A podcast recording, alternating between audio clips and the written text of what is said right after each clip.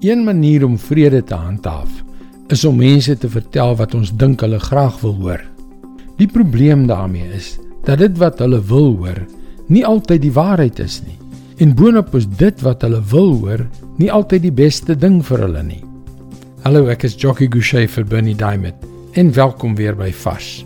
En weet jy, daardie begeerte om mense te vertel wat hulle wil hoor, is iets wat lei tot wat ek groepsdenke noem. Mense kom bymekaar in hulle klein wederwysige bewonderingsgroepies.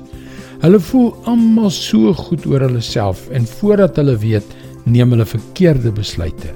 Daar was 'n tyd in die Ou Testament toe die konings Agab en Josafat moes besluit of hulle teen die Arameërs gaan veg of nie. Die manier waarop hulle dit destyds gedoen het, was om die profete te vra. Daar was omtrent 400 van hulle. En hulle het almal gesê: "Ja, ja, gaan veg." Maar Josafat het vir hulle gesê hulle moet God se raad vra.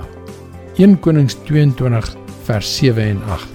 Josafat het egter gevra: "Is hier nie nog 'n profeet van die Here dat ons hom ook kan raadpleeg nie?" Die koning van Israel sê toe vir Josafat: "Hier is nog een man deur wie ons die Here kan raadpleeg, maar ek haat hom, want hy voorspel vir my nooit iets goeds nie, net altyd die slegste." Dit is Micha, seun van Jimla. Josafat sê toe: "Die koning moenie so praat nie." Josafat was reg. As Agab daardie dag na Micha geluister het, sou hy nie in die geveg gesterf het nie. 'n Vriend van my, Pieter Soo, beskryf so 'n situasie as volg: Ongelukkig verloor groepe wat konformiteit najag, hul doeltreffendheid.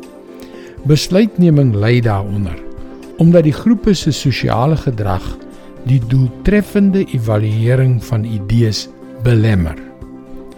Ons kan dit groepsdenke noem of konformiteitsvooroordeel. Maar as ons versuim om te luister na ander mense se opinies, kan ons groot foute maak. Wees dapper genoeg om na mense te luister wat vir jou die dinge gaan vertel wat jy nie wil hoor nie. Dit is God se woord vars vir jou vandag. Miskien staan jy op die oomblik voor 'n belangrike besluit.